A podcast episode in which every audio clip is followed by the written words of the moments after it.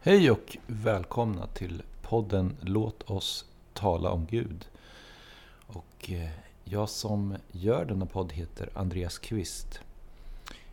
I detta poddavsnitt så tänkte jag tala om två väldigt intressanta verser i Johannes evangeliet. Nämligen Johannes evangeliet kapitel 7, vers 16 och vers 17.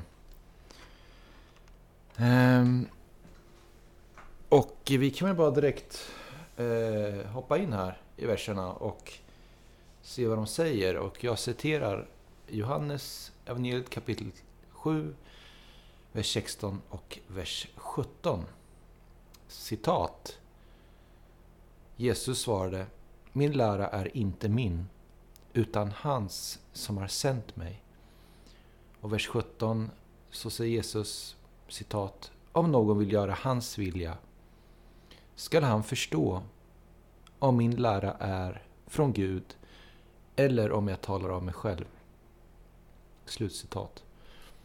Vad som är så intressant eh, med dessa två verser är att jag tycker det är tydligt här att Jesus tydligt säger att han inte är Gud, utan att Gud är någon annan. För lyssna till vad han säger i Johannes evangeliet kapitel 7, vers 16. Citat. Jesus svarade Min lära är inte min, utan hans som har sänt mig. Slutcitat. Så eh, den lära som han predikar, de orden som han talar, kommer inte, alltså det är inte hans ord, det är inte hans lära, utan det är någon annans. Men problemet blir ju nu, om det nu skulle vara så, att treenigheten är sann, är att det går ju inte ihop med den här versen. Eftersom att treenigheten lär ju att Gud steg ner från himmelen och blev människa. Och den människan han blev är alltså Jesus Kristus. Så hur kan då Jesus säga, om han nu är fullt Gud, och han kom för att predika sanningen till världen, för människorna, hur kan han då säga min lära är inte min, utan hans som har sänt mig. Det går såklart inte ihop.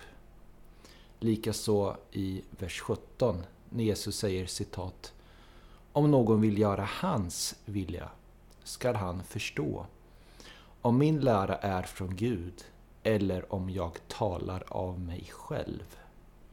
Så Jesus tydligt här i vers 17 säger ju att de orden han säger kommer från honom. Eller kommer inte från honom menar jag. Utan kommer från Gud. Så jag tycker det är väldigt tydligt här att Jesus verkligen klart och tydligt säger att han är inte Gud utan Gud är den som har sänt honom. Och den som har sänt honom säger nu vid flera tillfällen eh, i evangelierna att det är hans fader som också är hans Gud som har sänt honom. Gud Fadern som har sänt honom. Israels Gud.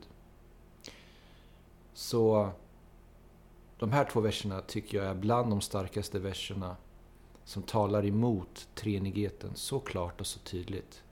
Det går inte att förklara bort eh, dessa två verser. Eh, jag vet inte riktigt hur man ska göra det som treenighetstroende. Det är tydligt här som sagt att Jesus säger att han inte är Gud, utan att Gud är någon annan än han själv. Men eh, det kan vara, ofta är det så att vi läser verser med en eh, förutfattad mening om vad Bibeln lär. Och då blir det lätt så att vi inte ser eh, tydliga verser som dessa två verser. Eh, om man har en, en förutfattad mening om att Bibeln lär väldigt klart och tydligt att Gud är en treenig Gud. Eh, och att Jesus är Gud. Så, så ser man inte det här. Ehm, men jag tycker det är ehm, viktigt att vi alltid försöker förstå vad verserna säger. Och alltid ehm, pröva vår tro. Att alltid vara öppna för att vi kan ha fel. För om vi inte eh, kan tänka oss att vi kan ha fel så tror jag det är omöjligt att ha rätt. Och då kommer man som sagt, har man den inställningen, ja det här är 100% rätt, jag har inte fel, då kommer man inte se de här tydliga verserna. Så det är, det är ett tips. Ehm, jag har själv varit troende och varit väldigt trångsynt ehm, och verkligen har läst Bibeln med, med trinnesglasögonen och eh, har inte sett fruktansvärt tydliga verser. Eh, men en dag så vart jag eh, prövad och eh, var en av en, en kristen vän som eh, prövade mig om min tro på treenigheten. För han hade slutat tro på treenigheten. För han hade sett de här verserna i Bibeln. Så det var först då jag verkligen prövade min tro. Innan det hade jag aldrig gjort det.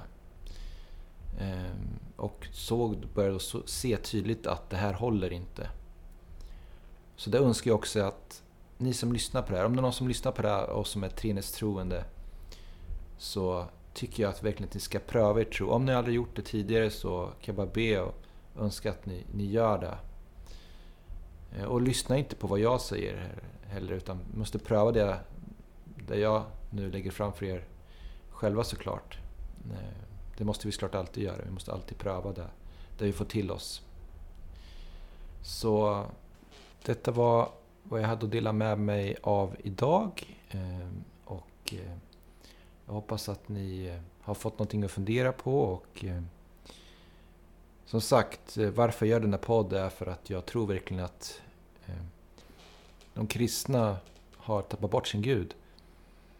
Och eh, jag tror det är viktigt att vi har såklart en biblisk förståelse av vem Gud är. Så som sagt, jag kan bara önska att ni verkligen prövar om treenigheten är sann. Om det nu så är så att ni tror på treenigheten.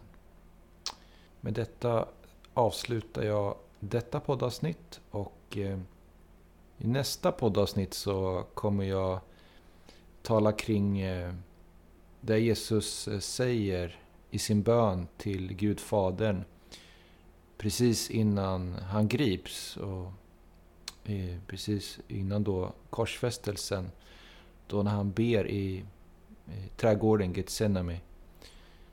Och eh, så lyssna gärna på det kommande avsnittet. Ha det gott och må Gud välsigna er rikligt. Hej då!